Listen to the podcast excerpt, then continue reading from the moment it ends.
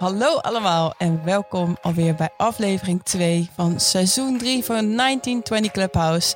Een weekje later dan uh, we hadden gehoopt. Het lukte vorige week niet om uh, op te nemen. En uh, deze week zit ik ook met iemand anders dan Hasna en dat is Cincy. Hallo, jee, hoe is het? Ja, gaat goed. Gaat goed. Ik heb een aparte dag gehad vandaag. Ik stond vandaag in één keer stil langs de snelweg met pech. Dus. Uh, nee, ja, dit meen je niet. Ja, was me nog nooit overkomen, maar. Uh, en wat was er aan de hand? Ja, ze denken iets met die. Um, God, hoe heet dat nou? Die band. Hoe heet die band ook alweer? Ja, oh ja, ik weet welke je ja, bedoelt. Ik ben nu even het woord kwijt. Daar heb de hele middag over gehad. Maar ja, de ANWB was er in ieder geval heel erg snel. En ja, iets later dan gepland uh, thuis. Maar uh, goed, uh, ja, het was mooi weer. Ik stond lekker in het zonnetje te wachten, dus prima. Beter dan in de winter, inderdaad. oh, nu kan ik ook niet stoppen met denken hoe dat ding heet. Waar, waarvan je na zoveel honderdduizend kilometer dat ding moet vervangen, weet je wel? Distributieband. Distributie. Ja. Riem oh. is het. Distributieriem. ja. Oh, okay. Nou, dat, dat, dat was het vermoeden. Lekker dagje, maar gelukkig ben je, ben je thuisgekomen en uh, zat je ook nog eens helemaal klaar voor deze podcast. Want het is nog wel eh, een uitdaging om Hasna te vervangen. Ja, dat, uh, daar kan ik niet zomaar aan tippen, maar ik doe mijn best. ja, gaat goed komen. Ja, en voor de oplettende luisteraar, dit is inmiddels jouw tweede keer dat je je invalt. Klopt, ja. De eerste keer was met uh, de oranje specials, met, of de Olympic specials. En nu uh, het reguliere seizoen. Jee. Nou, leuk. Laten we snel beginnen. Want er is natuurlijk echt uh, veel gevoetbald de afgelopen dagen. en dat was allemaal natuurlijk nationale selecties die al het meeste van hun WK-kwalificaties aan het spelen zijn. En natuurlijk wel wat oefenwedstrijden ook op andere continenten. Maar laten we ons vooral richten op Oranje. De eerste ja, uh, wedstrijden van deze nieuwe, nieuwe periode, nieuw era, zoals uh, heel vaak wordt gezegd. En uh, dat begon ja, best wel stroef tegen Tsjechië. hoe heb jij gekeken naar deze wedstrijd? Nou ja, ik was een beetje um, naïef misschien, want ik dacht dus ja, dit moet ik dan ook eerlijk vertellen. Ik, ik zou naar de film gaan die avond. Goed gepland. maar uh, pas zeg maar, ik kon de eerste helft kijken en het eerste kwartier van de tweede helft. En ik dacht, nou, dat laatste half uurtje kan ik wel missen, want ik ga ervan uit dat we dan wel voorstaan. Dat was mijn verwachting voor de wedstrijd. Maar dat uh, verliep toch een beetje anders en heb ik dus natuurlijk de goal van, van Miedema gemist. Uiteraard wel weer teruggekeken, maar um, ja, zo ging ik er dus vooraf in dat ik dacht van nou, tegen de tijd dat ik naar de film ga, dan staan we wel voor. Uh, maar dat ging inderdaad iets stroever. Ik had wel al het idee dat het, voor mijn gevoel stond het achterin al wel iets steviger of zo dan de, dan de indruk die, die ik kreeg tijdens de Olympische Spelen. Uh, niet dat het allemaal perfect liep of zo, maar ik had wel het gevoel dat het een, uh, dat het, ja, het oogde gewoon wel iets meer steady. Alleen, uh, ja, zijn we niet uh, goed omgegaan met uh, de kansen die we, die we hebben gehad. En volgens mij de eerste helft die ik heb gekeken, stond voornamelijk de camera gericht op de kant van Tsjechië. Ja, dan is het gewoon zonde dat je dan niet scoort. Ja, hè, zeker. Ik, eh, ik, de eerste tien minuten dat ik aan het kijken was, dacht ik, ah, oh, weet je, dit gaat helemaal goed komen. En die eerste move, die hoefde maar in te vliegen en dan uh, inderdaad kan jij naar de film, dat soort dingen. Ja, ja. maar uh, dat, ging toch een stukje stroever. En ik denk natuurlijk dat dat, dat, dat afgekeurde doelpunt. Ja, dat was wel een soort waarschuwingsschot van hé, hey, we kunnen niet uh, verslappen en we moeten geconcentreerd blijven. En ook wel een soort van teken van het staat wel beter, maar het is nog steeds niet helemaal waterdicht. Maar volgens mij heeft een van de speelsters ook gezegd van uh, we hebben in de afgelopen periode met zoveel verschillende backs ook, ook gestaan dat het ja. daar moet ook gewoon uh, automatismes moeten eigenlijk nog steeds gaan ontstaan. En ondertussen is het ook wel kijken naar wie zijn dan uh, de opvolgers en wie, wie zijn dan nieuwe verdedigers die misschien wel moeten gaan worden ingepast. Dat lijkt me wel, uh, lijkt me ook wel lastig. Maar dat, ja, dat was even een tegenvaller, de eerste wedstrijd niet winnend afsluiten. Terwijl zoveel mensen denken, echt hebben geroepen ook over die pool. Van ja, makkelijke pool, dat moet wel lukken. De, de eerste plaatsen zijn sowieso direct geplaatst. En er zijn dan in totaal voor heel Europa elf plekken te vergeven op het WK. Dus negen groepswinnaars, als ik het goed zeg. Hmm. En dan nog een aantal plekken met play-offs voor de beste tweede plekken. Ja. Dus het is pittig. Ja, zeker. Ook als, je, punten laat liggen. Als je punten laat liggen, ja. Ook als je kijkt, het viel me op namelijk uh, dat de andere landen echt met bizar hoge scores uh, uit de wedstrijd kwamen. Als je kijkt naar bijvoorbeeld Engeland, uh, een Spanje die volgens mij de eerste wedstrijd met 10-0, 9-0 gewonnen heeft. In Duitsland 7-7-0, als ik het goed herinner. grote cijfers. En ja, we zijn inderdaad van tevoren misschien dan te licht erin gegaan in onze pool, dat weet ik niet. Ja. Maar de tweede wedstrijd achterin is nu hetzelfde, was hetzelfde gebleven. Maar er waren wel wat uh, veranderingen op het middenveld en voorin. Van de Zanden die eruit uh, of langs de kant stond deze keer. Jackie naar rechts, Jill naar het midden, Spitsen naar links en Van der Donk naar rechts buiten. En volgens mij heeft dat wel um, zijn vruchten afgeworpen in de wedstrijd. Ik weet niet uh, wat voor verschil jij daarin zag. Ja, ik was uh, voor de wedstrijd nog wel enigszins sceptisch over spitsen weer terug erin. Uh, qua echt, als we het hebben over voetbalkwaliteiten, niet qua leiderschap en ja, wat zich met zich meebrengt. En dat zag je ook wel in de tweede helft tegen Tsjechië. Dat ze wel, ze is gelijk bezig met alles, alles, alles uitzetten en aanjagen. En ja, in die zin is het natuurlijk een hele stabiele factor. Maar ik vind het ook wel tof om altijd Groene en Roord ook samen uh, te zien spelen. Dat is net even wat aanvallender. Maar ik moet echt zeggen tegen Tsjechië dat je heel duidelijk zag dat Spitsen er weer stond. En dat ze daar zoveel tweede ballen ook opving. En zo'n stabiele factor was. En, en, en snel uh, de bal wilde verplaatsen. Ik zag eindelijk weer een beetje de Sherida Spitsen. Die, waar, waar Ajax denk ik voor getekend heeft. Ja, zeker. Maar die ze nog niet hebben mogen zien uh, daar. Dus uh, ik was uiteindelijk echt blij verrast met hoe zij het deed. En uh, ja, en ik denk dat het ook wel uh, heel erg goed was wat Danielle van der Donk liet zien op, op die soort van ja, gekke rechtsbuitenplek mm. waar je een soort vrije rol hebt en overal mag opduiken waar de ruimte ligt. Ja, ik had nog steeds het idee dat ik haar gewoon overal nergens op het veld zag verschijnen. Maar dat vind ik ook juist zo mooi aan, aan ja, haar manier van spelen. En de eerste goal die ze maakt vond ik eigenlijk, ja, kijk, die van Jackie, die overtreft natuurlijk nu wel uh, alle doelpunten die er zijn gemaakt. Maar ik vond het eigenlijk ook best een knap doelpunt, want ze stond volgens mij tussen twee of drie speelsters in. Zeker. En uh, wegdraaien en uh, um, de korte hoek schiet ze hem in. Dus ja. Dus ja, dat was ook echt een heel uh, mooi doelpunt. Ja, en ook met links. Dus ik vond het ook al uh, met rug naar het doel. En ja, was echt knap gedaan. En uh, goed balletje ook weer van, van Jackie Groene, die daarmee aardige statistiek had ja. in deze wedstrijd.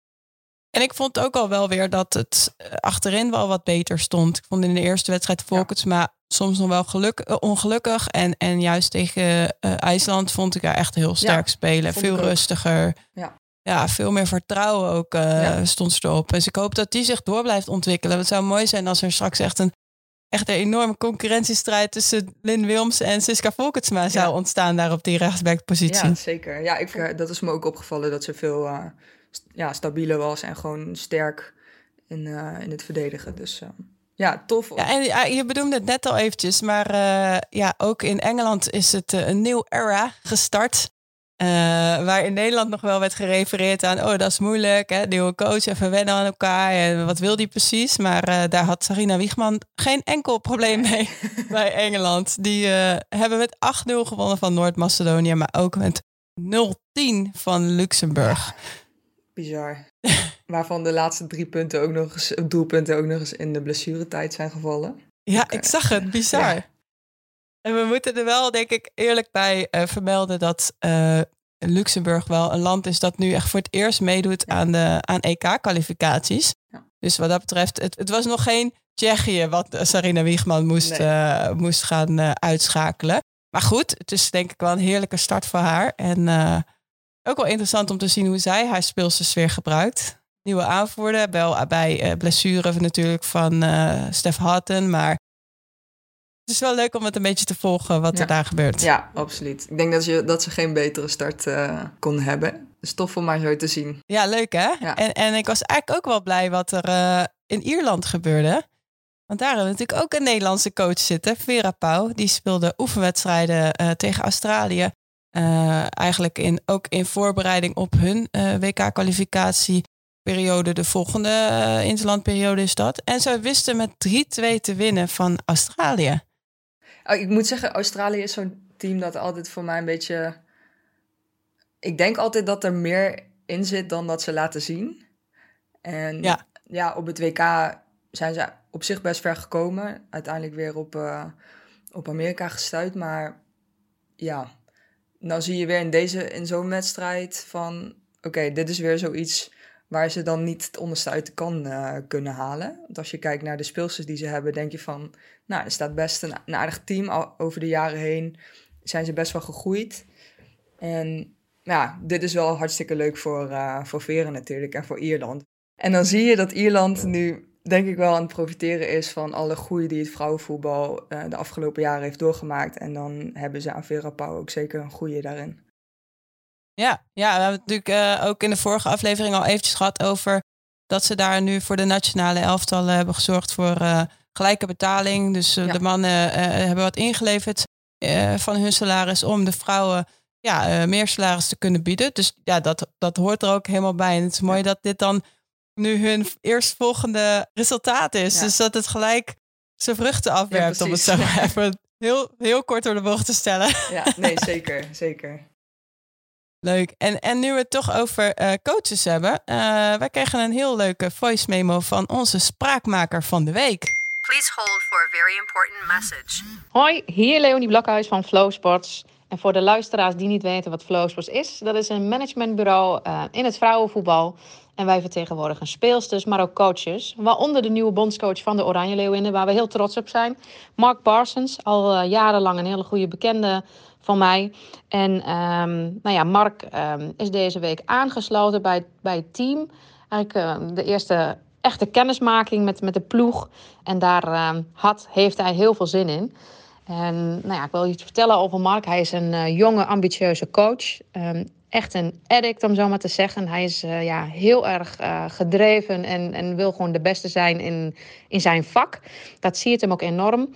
En um, ja, hij is jaren geleden heeft hij bij Chelsea gewerkt. Nu zit hij echt alweer een aantal jaren bij Portland. En dat doet hij uh, ja, doet het hartstikke goed. Hij staat bovenaan in de NWSL League, de hoogste league in Amerika. En onlangs heeft hij daar ook een 15-jarige speelster laten debuteren. Um, hij is dol op jong talent. En staat er ook om bekend dat hij jong talent kan ontwikkelen. En zoals hij al zei in een interview uh, op de website van de KNVB... is dat hij de eerste ja, twee FIFA-windows toch wel de selectie uh, intact laat. Dat hij kennis maakt, dat, uh, hè, dat, dat ze elkaar leren kennen. Maar dat hij daarna toch wel een aantal veranderingen wil gaan doorvoeren. Dus ik ben heel erg benieuwd wat hij gaat doen. En welke keuzes hij gaat maken. Um, maar vooral nu heb ik heel veel zin in de, ja, de komende twee wedstrijden. Die van vrijdag en volgende week. Om te kijken ja, hoe het team erop staat. Dus ja... Zover mijn bijdrage. Heel veel succes met deze podcast. En ik wens jullie allen een hele fijne dag. Tot de volgende keer. Doei doei. Ja, dat was uh, Leonie Blokhuis over Mark Parsons. En uh, ja, deze spraakmaker was natuurlijk eigenlijk al voor afgelopen week. Maar omdat we toen niet konden opnemen, is hij verschoven en hebben we hem lekker meegenomen naar vandaag. Dus uh, ik denk dat Leonie Blokhuis inmiddels weet wat het resultaat is van de wedstrijden. En ik ben, op, ik ben nog steeds heel benieuwd wat ze er van vindt en uh, wat ze heeft gezien. En ja, ik, ik, ik snap wel wat ze zegt. en ik ben vooral heel erg benieuwd naar de komende periode. wat Leonie al zegt, Mark Parsons is ook coach van de Portland Thorns. Die het echt heel goed doen, die bovenaan staan. En dat gaat ook betekenen dat ze ja, de play-offs zullen gaan spelen. Dus tot eind november zal dit een een dubbele functie zijn. Waar, uh, ja, waar ik eventjes niet in de schoenen van Mark Parsons zou willen staan als het gaat om reisschema, nee. slaapschema, dat soort dingen. Dat lijkt me nogal pittig. Maar ja, verder, ja, ik ben benieuwd. Wat, hoe heb jij ernaar gekeken? Nou, ik vind dat hij tot nu toe eigenlijk heel, gewoon heel open en positief overkomt. En ook als, gewoon dat hij er heel veel zin in heeft. Dat straalt hij, straalt hij heel erg uit. En dat, dat zegt hij ook, dat vertelt hij ook. Van dat, hij daar met, dat hij er met heel veel energie staat en ingaat en, uh, en zin in heeft. En uh, ja, hij was uh, gisteren wel iets kritischer naar de wedstrijd dan na vrijdag. Toen hadden we een beetje meer een, een kalmere Mark Parson voor de camera. En was ook mooi om te zien. Ja, ik vind het tof wat hij allemaal bij, bij, bij de Portland Thorns heeft bereikt. Dat voetbal dat, van, van, die, van dat team, dat kijk ik altijd graag. En ik ben benieuwd ja, welke, welke veranderingen hij eigenlijk gaat, uh, gaat aanbrengen. Want ik, nu had hij aangegeven van het is eigenlijk nog te kort om uh, grote veranderingen door te voeren. Dus dat ga ik pas doen uh, na de eerste twee wedstrijden. Nou, de volgende wedstrijd is over een maandje. Welke veranderingen denk jij dat hij, dat hij gaat doorvoeren? Denk je dat er in de selectie veel gaat veranderen? Well, ja, ik vind dat wel een lastige, lastige vraag. Want uiteindelijk um, dat hebben we ook vrijdag besproken. Van wie zijn nou eigenlijk de speelsters die een beetje richting de, ja, wat ouder gaan. En dan kijk je naar de keeper, uh, dan kijk je naar Steven van der Gracht. Maar ook een Sherida Spits als je het dan hebt over basisspelers. Uh, maar ja, dan valt Sherida Spits in en dan brengt ze zoveel. En dan speelt ze zo goed tegen IJsland. Ja. Wat, wanneer is dan het moment dat je, dat je haar gaat vervangen. Uh, en hetzelfde geldt voor Stephanie van der Graag. Want die vond ik ook al wel weer beter dan dat ik haar in de competitie heb zien spelen. Dus ik, ik ben echt oprecht benieuwd wat, ja, hoe rigoureus hij uh, dingen gaat veranderen. En, en waarom. En kijk, waar het wel op neerkomt is dat hij... Kijk, de selectie van nu en de selectie van de afgelopen jaren...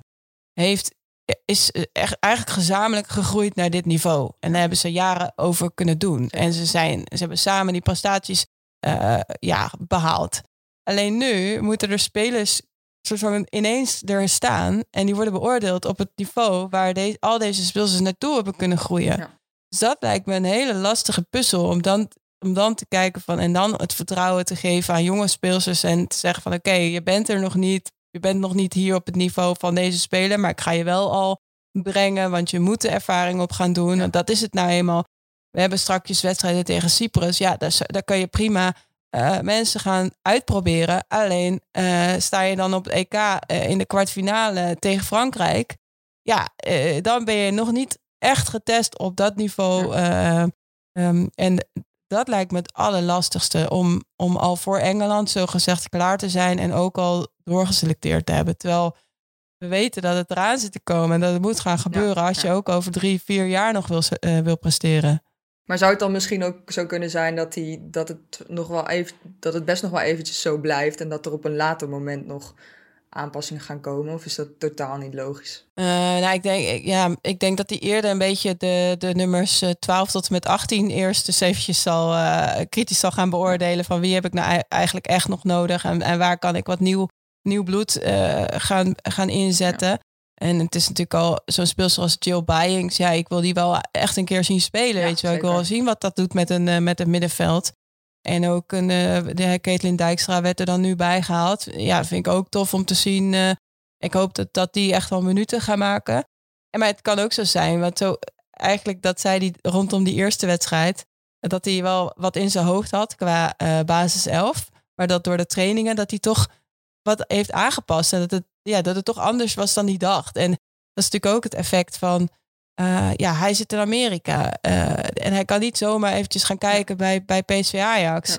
Ja. Of uh, ja, weet je, hij zal het moeten doen met videobeelden en met wat hij van zijn staf hoort. En ja. ondertussen moet hij ook nog zijn eigen club naar misschien wel een kampioenschap leiden. Ja, ik denk dat dat best wel een hele grote uitdaging is voor en eh, de, de eis van je moet nu doorselecteren en tegelijk eh, wel richting presteren op een EK gaan. En ook nog even de ballen omhoog houden van en je club en de bond. Nou, dat het is bijna onmogelijk. Ja, dat is inderdaad heel veel ballen tegelijkertijd even hoog houden. Maar ja, als het goed is krijgt hij ja. na november wat, wat rustiger. Dan, uh, ja, dat is ja. wel gunstig. Ja. en maar, heb, jij, heb jij speelsters in je hoofd uh, die, uh, die je graag zou willen zien in de toekomst? Um, goeie vraag. Ik denk zelf dat er misschien wel een verandering van, van Kiepse zou kunnen komen.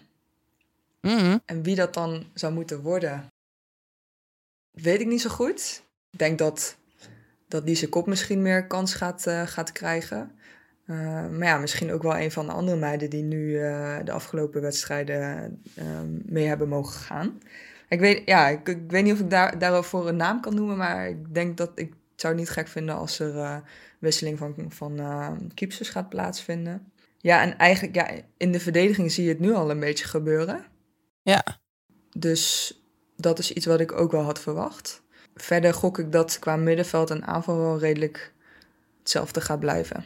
Denk je daar, daar ja. over? Ja, en ik denk dat dit ook wel een, een uh, fijne uitkomst is geweest dat, dat Danielle van der Donk het zo goed deed op die positie. Ja. Want dat, dat lost een hele lastige keuze op op dat middenveld. Ja. En ook eventueel naar de toekomst dat je, ja, weet je, als Danielle van der Donk niet meer uh, de onbetwiste nummer 10 is, dan kun je haar uiteindelijk op de lange termijn ook makkelijker de uitschuiven, zo gezegd, als op deze positie staat. Ja, ik, ik vind het nu fantastisch, dus laat, laten we daar ja, vooral ja, um, gebruik van blijven maken. Maar ik, wat je zegt ook over de keepers. Uh, ik vond het wel interessant dat um, deze kop kon uiteindelijk toch niet meegaan. En ook uh, de jong Oranje Leeuwinnen en onder 19 uh, speelden. Um, Daphne van Domsla is natuurlijk meestal de volgende die dan op de lijst staat. Die stond nu niet op de lijst. Nee, en die was geblesseerd en die zat eigenlijk natuurlijk ook bij Jong Oranje. Dus toen schoof Claire Denkla door. Ja. Terwijl eigenlijk ik, Jacinta Weimar het bij ja. Feyenoord ook heel goed vind doen. Dus dat had ook wel een kans kunnen zijn om die... Of ja, die kan volgens mij niet meer bij Jong omdat ze te oud is. Ja. Volgens mij is ze net 23. Dus ja, waarom halen ze daar haar dan niet even erbij? Alleen ja, ik hoop dat zij in de toekomst wel uh, ja. een keer de kans krijgen. Dat ze ook een beetje stabiel blijft bij Feyenoord. Ja, daar ben ik het mee eens. Die heeft wel goede dingen nu al laten zien bij Feyenoord. Ja, dat een beetje. En uh, ik denk de algehele uh, beoordeling dat, dat Mark Parsons in ieder geval hoop, enthousiasme, energie heeft gebracht. Ondanks Zeker. dat hij volgens mij echt een verschrikkelijk schema heeft. En ja, hij heeft duidelijk ideeën. En uh, dat wil, wil hij ook echt uh, dat het zo uitgevoerd wordt. En, en lijkt erop dat die meiden daar ook echt wel in geloven. Dus dat is ook wel natuurlijk ja, uh, ja, ja. belangrijk. En ja, het is natuurlijk wel mooi voor hem dat de volgende wedstrijd tegen Cyprus, ja, dat, dat wordt gewoon het doelpunt van Verstijn. Dus dat is, dat is sowieso lekker om een beetje door te bouwen. Ik zal niet naar de film gaan dan. of, je hebt het gejinxed. ja, ik had gewoon niet naar de film moeten gaan, daar kwam het op neer. Welke film was het eigenlijk? ja, die nieuwe Marvel film, film uh, Shang, Shang-Li of Shang-Chu, ik weet, ik weet de naam niet eens meer. Oh ja, ja hier had je met Has nou echt heel leuk over kunnen praten, maar... ja. ik, ben, ik, ik ben, een, ben er niet helemaal in thuis. ja, dan bel ik Has naar je naam wel. Ja, doe maar even. Oké, okay, uh, laten we doorgaan naar ons volgende item, wil ik zeggen. Uh, en dat is natuurlijk het nieuws. Ja, nee, vind ik mooi om te horen. Let's go! En uh, het eerste nieuwsitem op de lijst, ja, die, die schrijf ik gewoon gelijk naar jou toe. Dan krijg ik de eer van de eerste.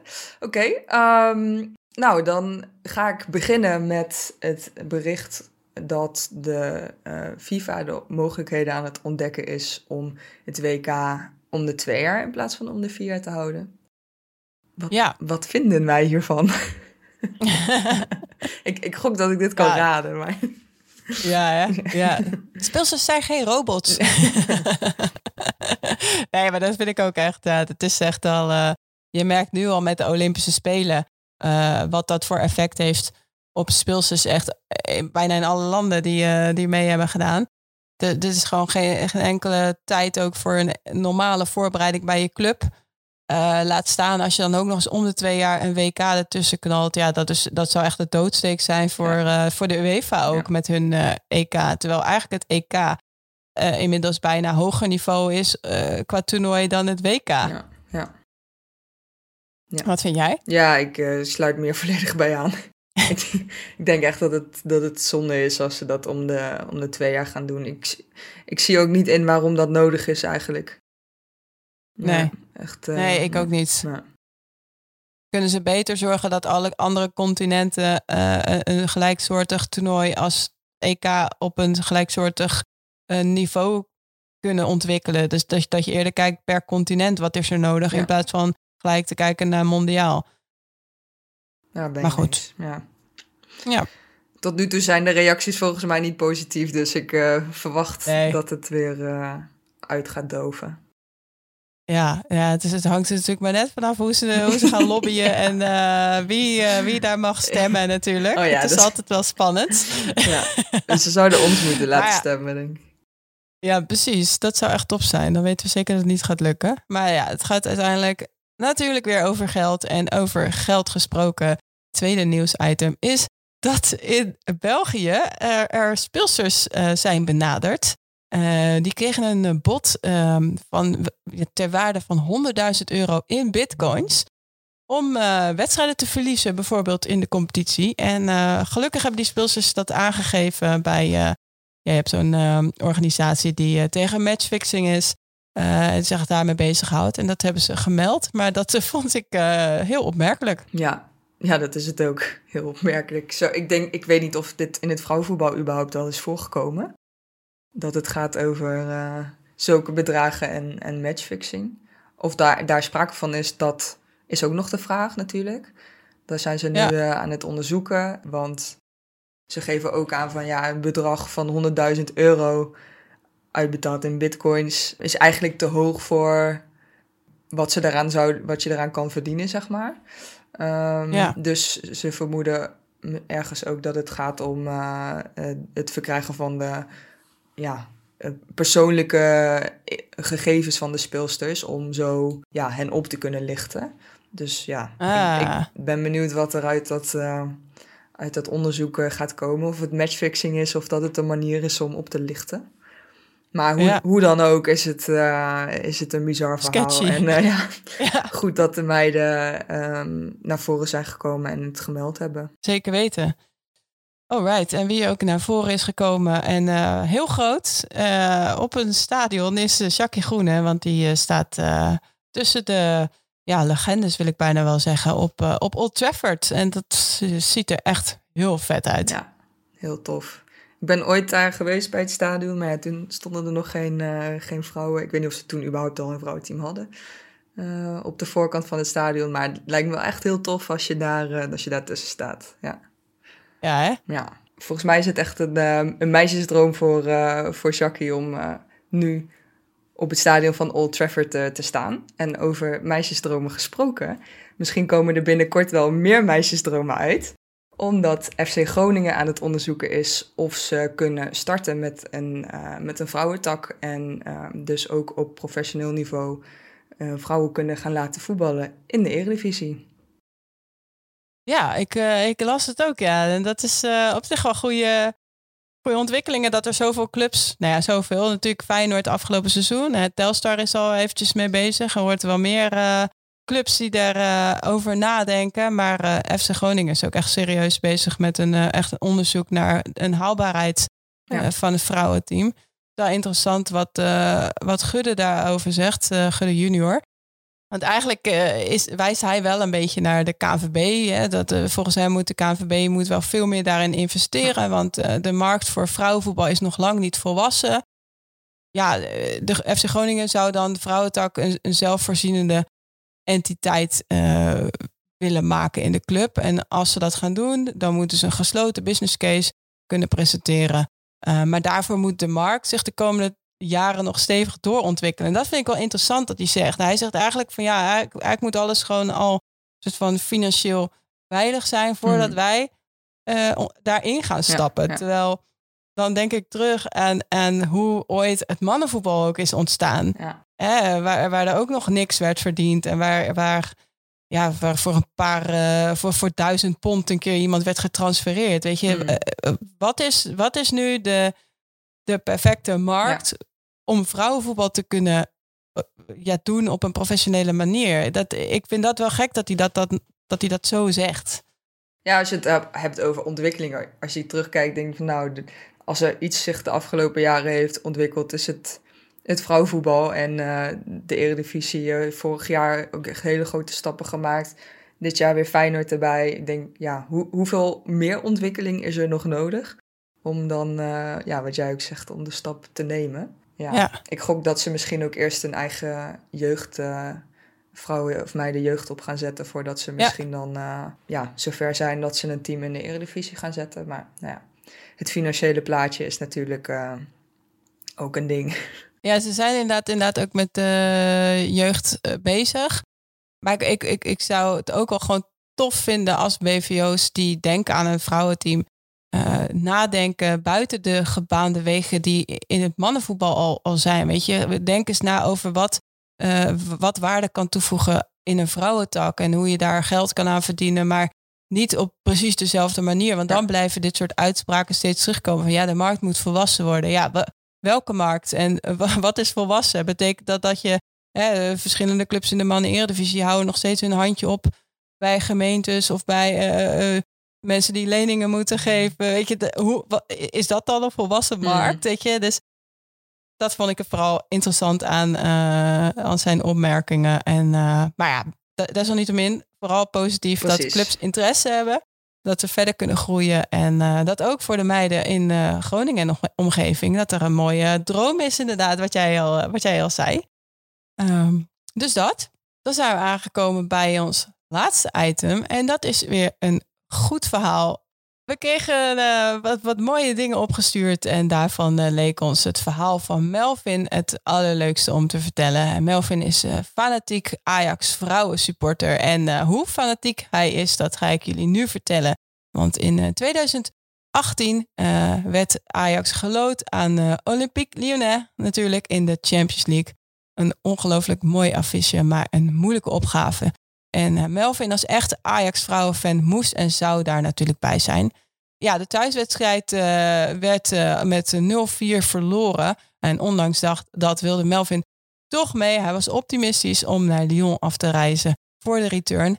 En dat deed hij met de Flixbus heen en weer voor 40 euro. Maar ja, goedkoop reizen betekent ook heel erg lang reizen. En ik weet niet hoe comfortabel het was. Laat het ons vooral nog even weten.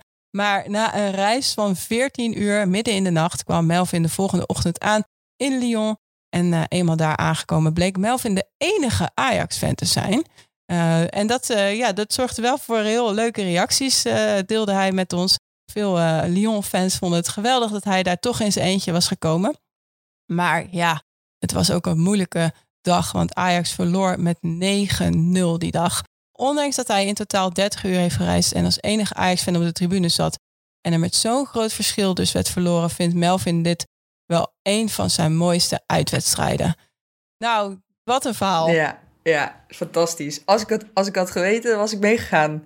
Maar ja, ja, lief. ja, en ik hoop dat er inmiddels wel uh, veel meer fans zijn die uh, in het vervolg naar zo'n wedstrijd zullen gaan. Uh, echt fanatieke Ajax-supporters, die zijn er zeker. En ja, als, als Ajax weer een keer tegen Lyon speelt, dan neem ik aan dat Melvin niet alleen hoeft te gaan. En dat hij ook dus niet met de Flixbus hoeft te gaan. Nee, nee, dat denk ik ook niet. En ik denk ook niet dat het dan 9-0 wordt. Oeh, ik hoop het ook niet. Laten we niet uh, te hard roepen. nee, nee, we gaan ervan uit dat het, uh, dat het beter is geworden. Dankjewel Melvin voor jouw bijzondere voetbalervaring. Heb jij nou ook een leuk verhaal dat je hebt meegemaakt op of rondom de velden? Stuur het ons dan via DM op Instagram. En uh, ja, dat was weer onze aflevering. Dankjewel Cincy. Jij bedankt. Leuk. het was gezellig. Leuk. Ja, toch? Volgende keer bij mij. Ja, doen we. Kom ook met de auto. Ja. Vergeet je distributieriem niet dan. Nee, dat zal ik niet vergeten. Oké, okay, bedankt voor het luisteren allemaal en tot de volgende aflevering.